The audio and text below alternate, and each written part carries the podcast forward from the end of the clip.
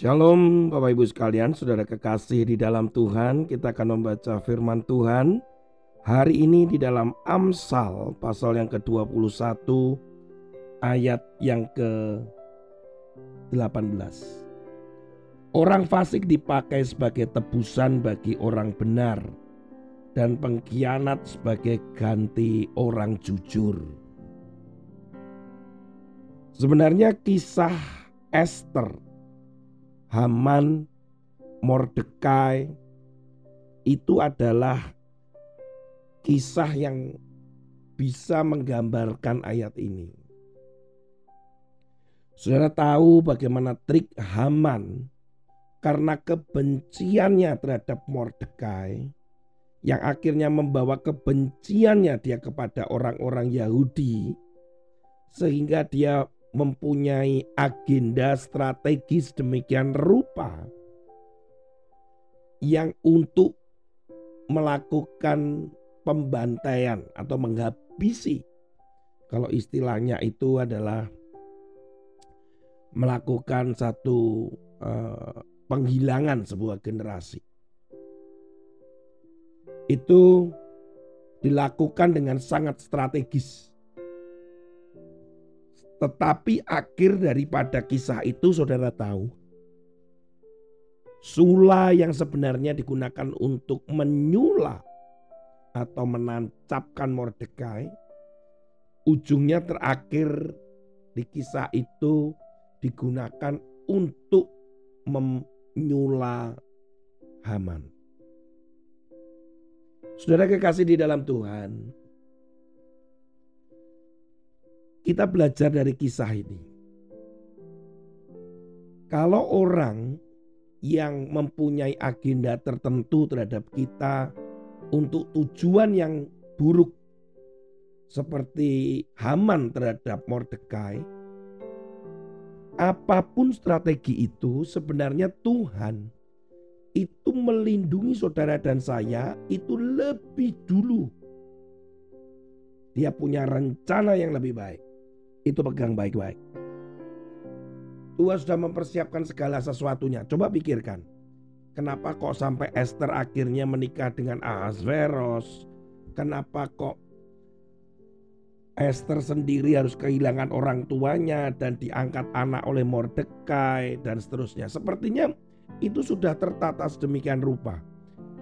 Dengan kata lain, Tuhan memiliki rencana lebih besar dibandingkan strategi apa pun orang yang berusaha menjatuhkan saudara dan saya.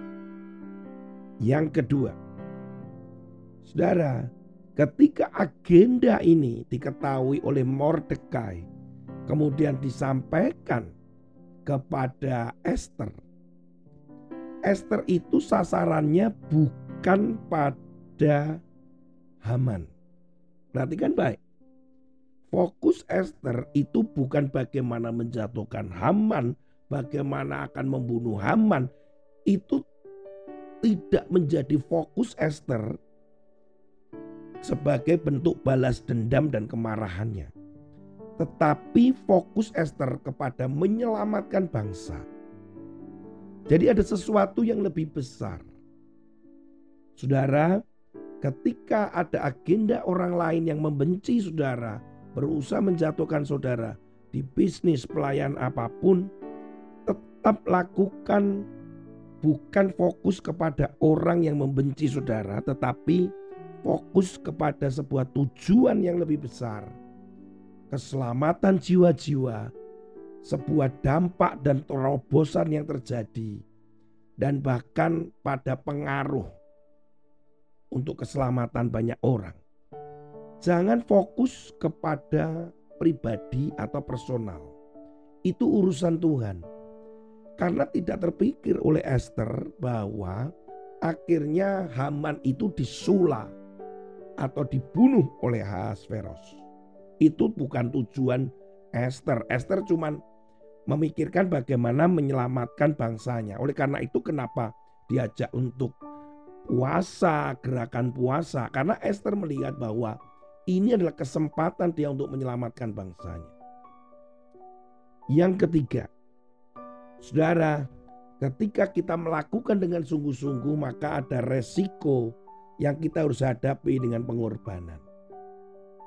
Jangan takut, karena ada orang-orang yang mendoakan kita. Orang-orang Israel itu mendoakan saudara. Esther waktu itu. Mordekai berdoa untuk Esther. Oleh karena itu kan Esther bilang sama Mordekai, doa puasa, kemudian berdoa, berkabung dan doakan. Karena Esther harus menghadap Ahasveros. Pelajaran yang ketiga ini adalah ada orang-orang yang mendoakan saudara.